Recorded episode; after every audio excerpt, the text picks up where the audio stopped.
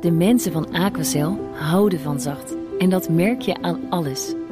Dankzij hen hebben we nu echt zacht water en een kalkvrij huis. Voor hun klanten zijn ze zacht. Dat zijn ze trouwens ook voor elkaar.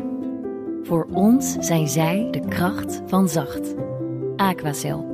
100% zacht water, 100% kalkvrij. De Perestroikast. Een blik op Oost-Europa.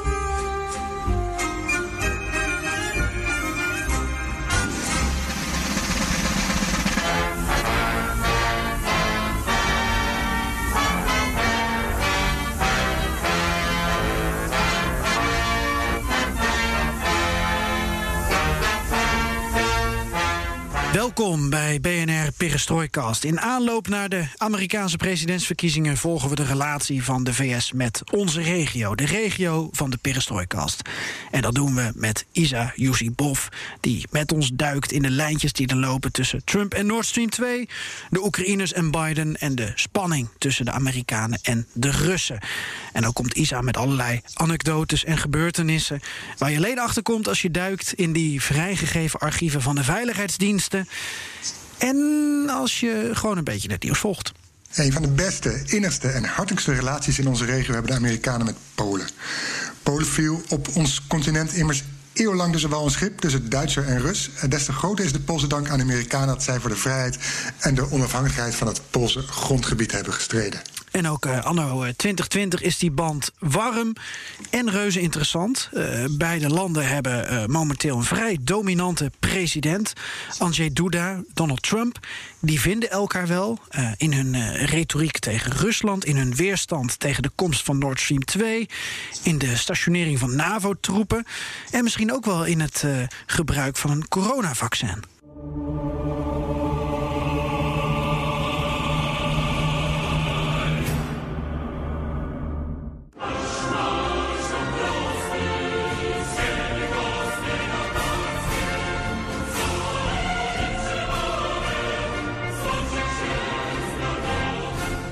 Isa, jij een man van baklava, van shashlik, een man van de Caucasus. Um, ja, daar, de Caucasus heeft voor jou geen geheimen meer.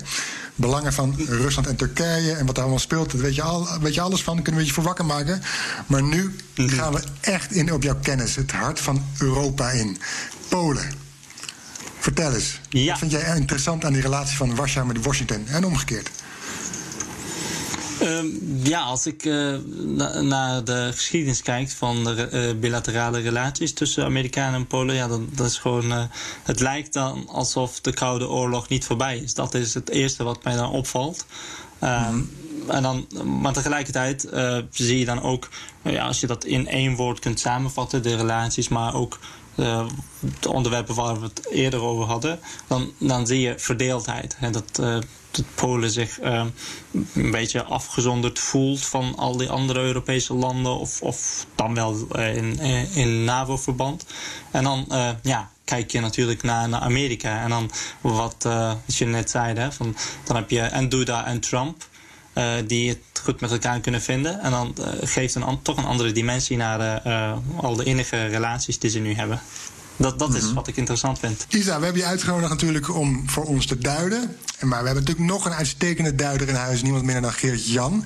Uh, die gaat ook uh, ons tekst en uitleg geven over de relatie tussen Warschau en Washington. Maar we beginnen even met Nord Stream 2. Want dat project, hè, waar we het de vorige aflevering ook over hadden... dat legt eigenlijk heel goed die geopolitieke verhoudingen bloot.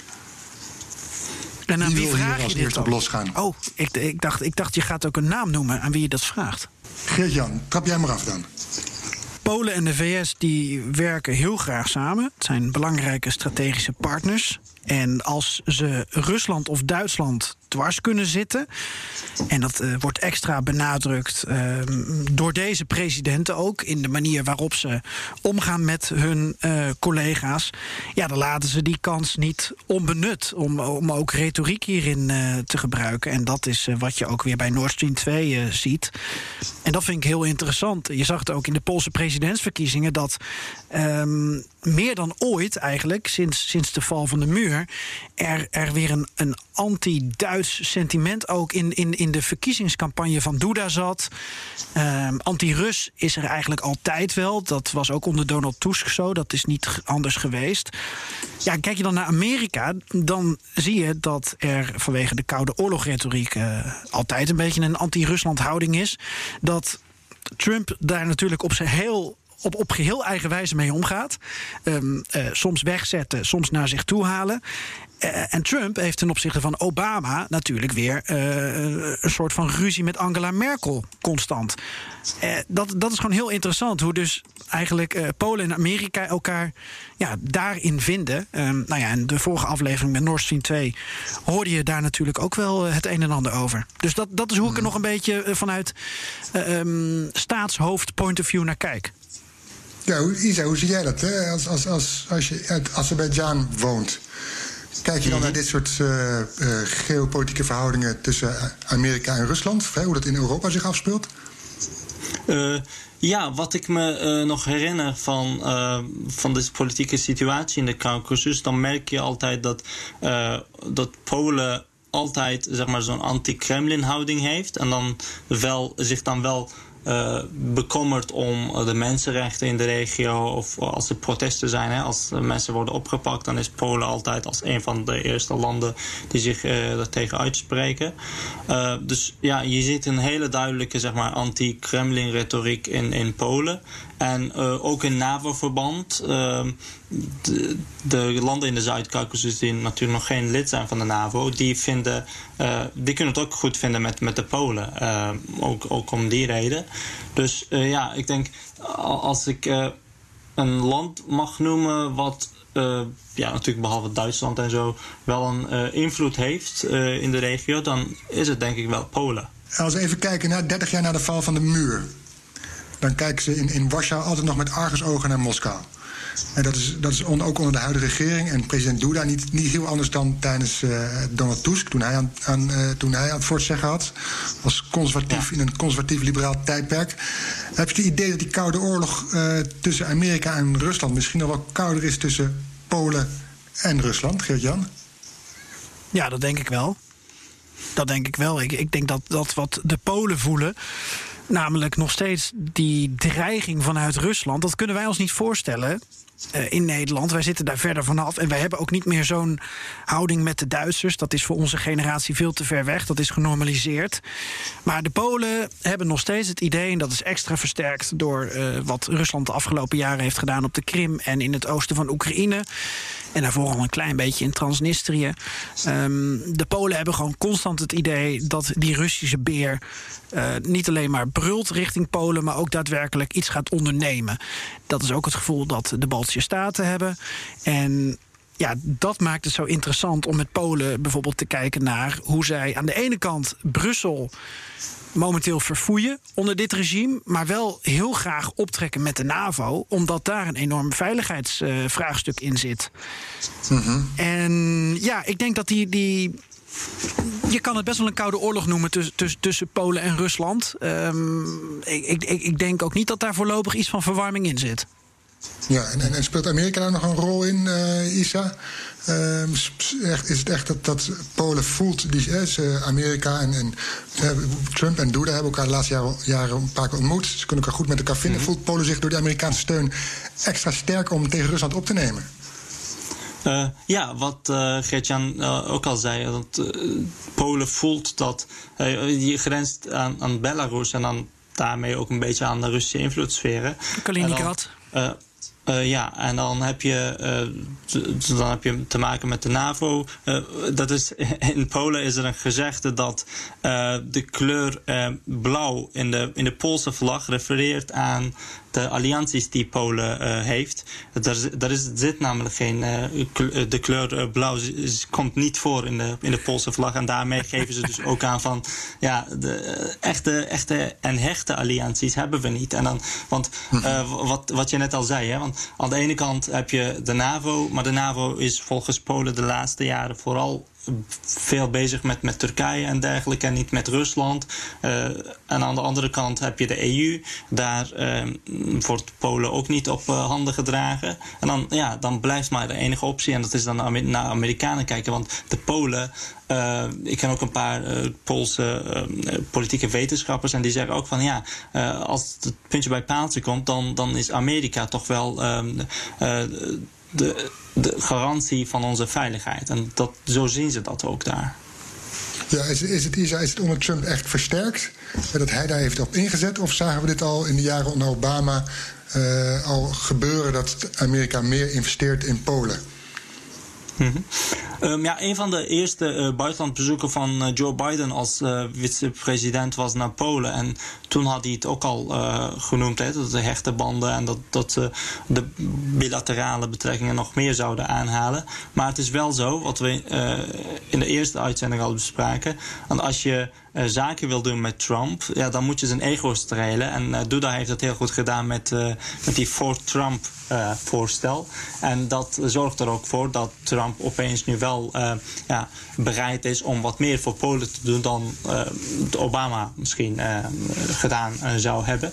Puur vanwege het feit dat, dat Duda de militaire basis in Polen naar hem wil, wil noemen. Wat, wat, bedoel je met voor Trump-voorstel? Of begreep ik dat verkeerd? Verstond ik dat verkeerd? Ja, dat is de militaire basis. Ja, dat is de, de militaire basis oh, in, uh, in Polen, waar de Amerikaanse uh, NAVO-soldaten gestationeerd uh, zullen zijn als het doorgaat. En Duda mm -hmm. zei uh, dat, dat hij het best bereid is om, om die basis voor Trump te noemen. En dat vindt Trump natuurlijk prima, maar ik, ik denk niet of Pentagon of daar blij mee is. Zo'n geinige anekdote, Isa, dat in het boek van John Bolton dat, uh, dat het daar ook ging over voor Trump. En uh, dat uh, Bolton die haalt een anekdote aan dat Trump geen idee heeft dat, um, dat voor Trump een, een, een basis is in Polen die dan naar hem vernoemd zou zijn. Um, daar is nog een hele discussie over ontstaan met um, ook de huidige ambassadeur in, in Polen, met Georgette Mosbacher. Ja, ja. dat, dat van die, van die houding hè, tussen, tussen Trump en Duda, ik vind dat fascinerend, want het is ook wel tekenend voor hoe de relatie Amerika-Polen eigenlijk uh, de afgelopen decennia ook is geweest. Want de Amerikanen hebben eigenlijk Ehm, kijk, de Polen houden heel erg van de Amerikanen. Maar dat, dat is altijd een soort oneerlijke relatie geweest. Want de, de band is wel warm en innig. Maar de Amerikanen hebben altijd geprobeerd om de overhand daarin te hebben. Om altijd um, het initiatief daarin te kunnen nemen. De Amerikanen bepalen hoeveel uh, NAVO-soldaten er in Polen komen. De Amerikanen bepalen in hoeverre de dreiging vanuit Rusland weerstand krijgt. Um, de Amerikanen uh, bepalen uh, met welke uh, leider van Polen ze in de communistische tijd contact hebben. de sponsoring van, van, van Solidarność met CIA-contacten en, en, op welke manier dat dan gebeurt. Er is altijd een. Ja, dat is ook natuurlijk de, de hoeder van de wereld, hè, Amerika. Dat, dat was voor Polen echt zo. Dat voelen ze echt zo daar. En dat is gewoon interessant, want dat zie je nog steeds terug in deze relatie. Misschien was de relatie Tusk-Obama. Uh, gelijkwaardiger dan de relatie um, uh, Duda-Trump, wat dat betreft. Ja, uh, mee eens. Dat klopt. Klaar? Oké. Okay. Klaar. niks, niks aan te voegen. Ehm, we, we, hebben het nu over Trump en, en, en de Amerikaanse troepen. Uh, Nord Stream 2 hebben we het gehad. Uh, Geert-Jan, zijn er nog meer punten waarvan jij zegt... daarin vinden ze, elkaar, vinden ze elkaar momenteel heel goed in? Nou, ik denk uh, bijvoorbeeld uh, weerstand bieden tegen de Chinese invloed in Europa.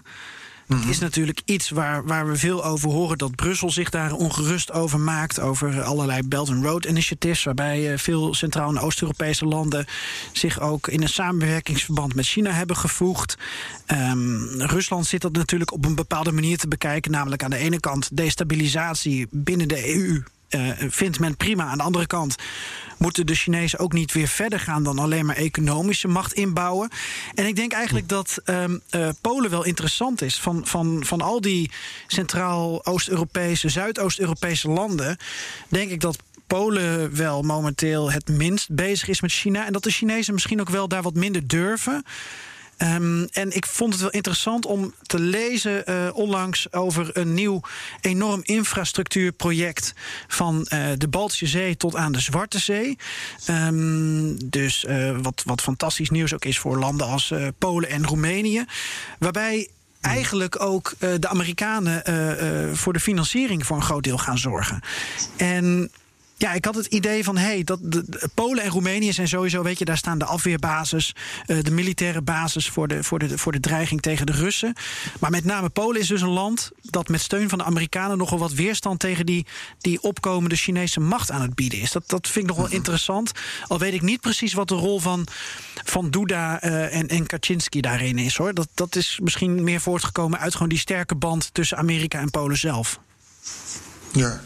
Je noemt even Kaczynski trouwens, dus dat is ook wel een opvallend figuur uh, in de Poolse politiek, Geert-Jan. Uh, hoe zit het tussen hem en Trump eigenlijk? Gewoon even mijn. Komt opeens, valt me opeens binnen deze vraag. Ja, nou, ze kunnen elkaar aan de ene kant goed vinden, uh, maar aan de andere kant hebben ze ook wel een, een beetje hetzelfde onstuimige karakter. Dus dat mm -hmm. kan ook wel eens botsen. Um, nu is het wel zo dat Trump uh, volgens mij um, ja, wel liever zaken doet met met Duda, omdat dat gewoon simpelweg het boegbeeld naar buiten toe is en Trump gewoon graag op de voorgrond uh, treedt.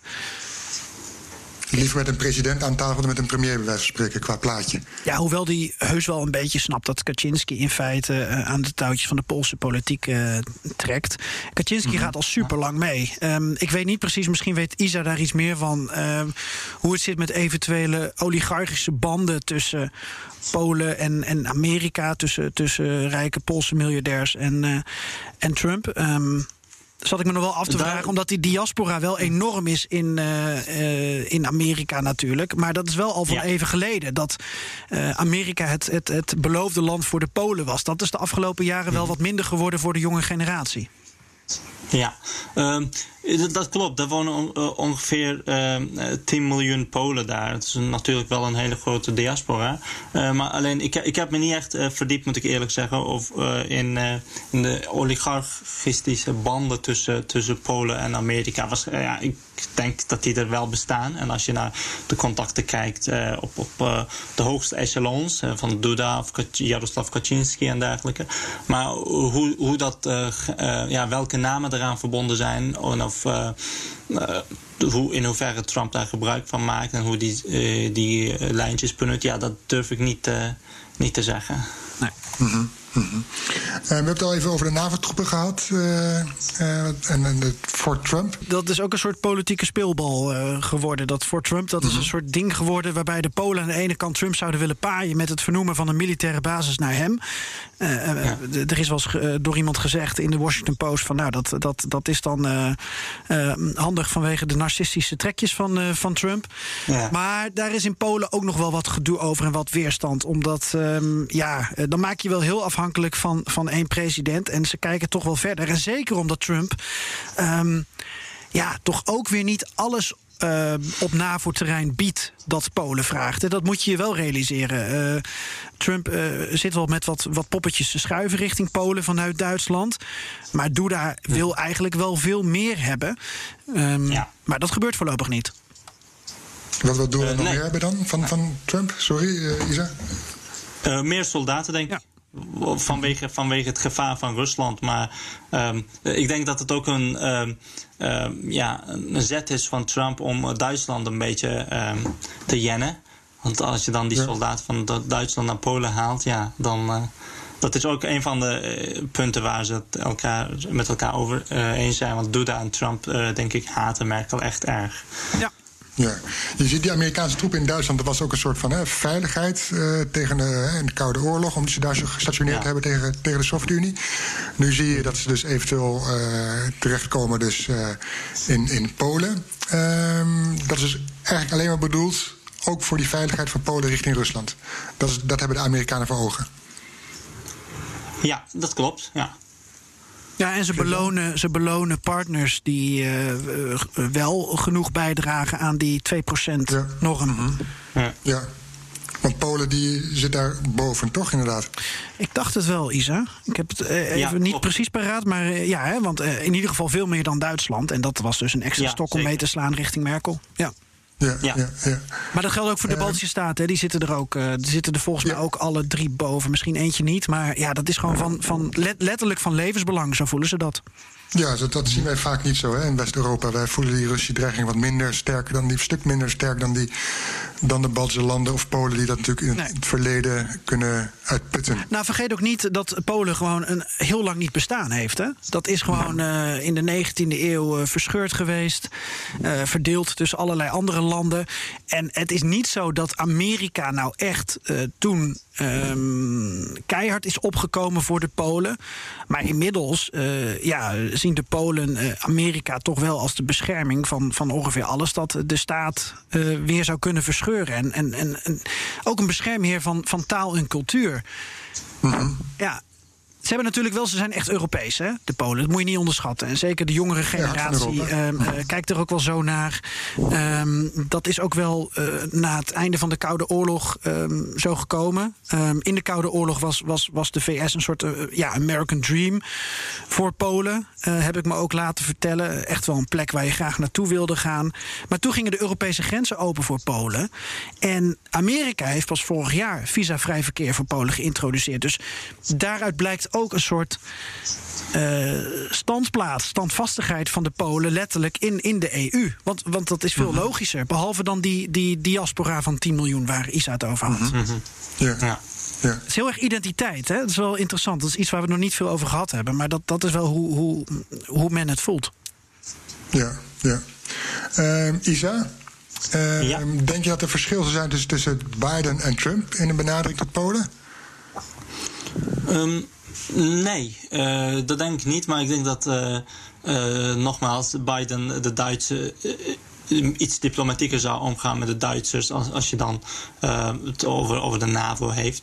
Maar Amerika is natuurlijk blij, of het nou Trump is of Biden, dat Polen als een van de eh, vijf NAVO-landen boven, die, eh, boven dat 2% eh, uitgaven zit. Dus in principe ja, eh, is er voor Biden op dit moment eh, niks te klagen, behalve het, eh, de situatie rondom de rechtsstaat natuurlijk. Hè, want al die LGBT-vrije zones en dergelijke, daar heeft Biden wel het een en ander over gezegd. Maar eh, eh, anders, anders dan dat, nee. De- ik denk dat eh, Polen als land ehm, eh, belangrijk en blijft voor, eh, voor de Amerikaanse belangen. Want eh, eh, Gert-Jan zei ook eh, over de rol van China. Want als je naar de kaart kijkt. Ik heb zelf, eh, toen ik in Londen zat, eh, deed ik een onderzoek voor een cliënt. En eh, naar, naar de, de manier waarop China eh, zijn eh, aanwezigheid in de regio in Oost-Europa aan het vergroten was. En dan zie je ook dat ze vooral in Oekraïne, in Roemenië, in Bulgarije allemaal havens aan het opkopen zijn. En je, eh, als je naar de kaart kijkt, dan zie je alsof, alsof Polen zeg maar het eindstation of eh, zeg maar een bufferzone is voor de Chinese invloed. En dat, eh, dat is voor Amerika ook eh, van groot belang. Ja, er, er is wel geloof ik gesproken over een trein. Hè? Een, een, een, een trein die dan vanuit China wel ook richting Gdansk de haven zou moeten kunnen gaan. Ja, ja. Ik denk, ik denk dat het daar wel bij blijft. Ja. Geert-Jan, zie jij een verschil tussen Trump en Biden... en hoe ze met, Trump, met, eh, met Polen gaan omgaan? Nee, wat Isa zegt, retoriek. Eh, De manier waarop ze omgaan met, eh, met de buurlanden. En dat ze. mm, Ik denk dat Biden minder vanuit wrok zou handelen. Dat hij wel kijkt naar wat goed Ja. is voor Amerika. En dat, daar zit hij niet ver van Trump vandaan. Wat betreft NAVO-troepen of wat betreft eh 2%-norm. Of ehm, eh, de warme band met Polen gewoon vasthouden. Maar. eh, Zoals eh, Trump nu eh, gebruik maakt van de situatie, net als Duda, om, om Merkel eh, te straffen eh, dwars te zitten. Dat zou Biden niet op die manier doen. Dus hij zou niet zo rukzichtloos, om maar een goed Duits woord te gebruiken, eh, die Poolse troepen, of sorry, die NAVO-troepen vanuit Duitsland eh, weghalen. ehm, en dan er een paar in Polen droppen. Daar zou hij eh, meer beleidsmatig mee omgaan, denk ik. Ja. Ja, en, en, en de persoonlijke klik tussen Duda en Trump, volgens mij is die er. Eh Geert-Jan? Ja, waarbij Met hun vrouwen ook? Ja, wel een kanttekening. Ehm, nou, het is wel interessant, want ze, ook, ook Duda heeft een dochter die wel een beetje wat van Ivanka weg heeft. Hoewel ik denk dat Ivanka wel een stukje slimmer is. Want die dochter van Duda die heeft zichzelf wel bij de laatste verkiezingen vreselijk ehm, voor uh, Jan met de korte achternaam gezet. Uh, toen ze uh, was vergeten te stemmen op haar eigen vader bij de eerste ronde. De, die fout heeft ze bij de tweede ronde niet gemaakt. er zijn wel parallellen te trekken, maar het is wel heel duidelijk in al die ontmoetingen die Trump en Duda hebben gehad. En dat is best wel veel. Um, in, in, in coronatijd is Duda ook de eerste weer geweest die een persoonlijk bezoek had met Trump. Als je het hebt over internationale staatshoofden. Maar Trump is zo duidelijk de baas in die relatie. Um, Duda smeekte om meer NAVO-troepen. Duda smeekte om dat coronavaccin, waar in Amerika ook aan gewerkt wordt, zo van: joh, uh, mogen wij vanuit onze warme band als eerste dan ook wat, wat doses hebben van dat vaccin? Waarop -hmm. Trump als een zakenman eigenlijk reageerde en, en zoiets zei in het van: van we'll see. Ja, hij is wel duidelijk de baas in die relatie hoor. Of uh, dat, dat ja. speelt hij wel en Duda uh, kan daar niet tegenop. Nee, nee, nee. En, en als ik kijk naar die relatie met Biden, zal waarschijnlijk gelijkmatiger zijn. Geert-Jan. Ja, dat is een interessante, want dan heb je het uh, over een autoritaire president aan de kant van Polen en een wat ja. rustiger persoon aan de kant van de VS. Dus ik, ik vind dat wel een spannende relatie in wording. Ja, mm -hmm. Ben ook wel erg benieuwd. Um, samenvattend, eigenlijk als ik jullie goed begrijp, of het nou Biden wordt of, of, uh, of Trump op 3 november, of misschien in de rechtszaal. Um, echt een grote verandering zullen we niet zien in het beleid tussen Amerika, de band tussen Amerika en Polen. Geert-Jan? Nee, behalve dat Polen minder gebruikt zal worden, denk ik, als Biden uh, president wordt. Dat uh, die relatie wat eerlijker zal zijn en niet zozeer vanuit wrok jegens anderen zal worden gebruikt. Ja, jij Isa, als slotakkoord? Uh, ja, ik ben het eens met uh, Gert-Jan. Ik denk dat uh, Polen blijft gewoon een belangrijke geopolitieke speler voor de Amerikanen, ongeacht wie er aan de macht komen. Ja, het, het zal, de persoonlijke relaties zullen dan wel de toon aanzetten daar. Ja, tot slot, wat misschien wel interessant is, daar, daar denk ik nu pas weer aan. Het Amerika van Trump staat natuurlijk veel meer voor een, een, een traditionele staat. Hè? Uh, ook ook het, het Heartland waar hij telkens uh, op hamert um, van, van Mike Pence, hè? De, de, de, de harde christenen. Mm -hmm. Ja, dat is natuurlijk wat de, de, de huidige machthebbers in Polen ook heel graag benadrukken. Dus ik ben ook wel benieuwd uh, of in die relatie um, dan iets zou veranderen als Biden dan aan de macht komt. Of hij wat minder hamert op traditionele normen en waarden, omdat wat Isa al zei, hij toch ook wel op wil komen voor die minderheden die in Polen nu toch wel uh, ja, uh, een beetje onderdrukt worden. Ja, um, ik voel aan dat we deze podcast over een half jaar de inhoud nog een keer moeten doornemen met wie er dan president is. en hoe de relatie dan ligt. Dankjewel, Isa. Nieuw. Uh, zeg je? Zobaczymy. Paka, dankjewel. Spasiba, Isa. En Geert-Jan natuurlijk ook als, als Polenduider. Um, in de volgende aflevering hoor je ons weer. Isa komt dan terug met, bij ons en dan gaan we het hebben, zo uit mijn hoofd, over Oekraïne en Biden. Tot dan, paka. Papa, do widzenia. Sakol.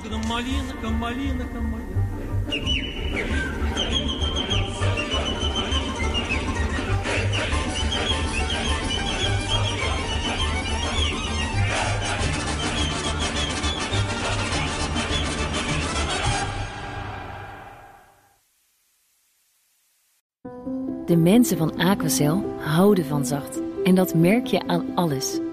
Dankzij hen hebben we nu echt zacht water en een kalkvrij huis. Voor hun klanten zijn ze zacht. Dat zijn ze trouwens ook voor elkaar. Voor ons zijn zij de kracht van zacht. Aquacel. 100% zacht water, 100% kalkvrij.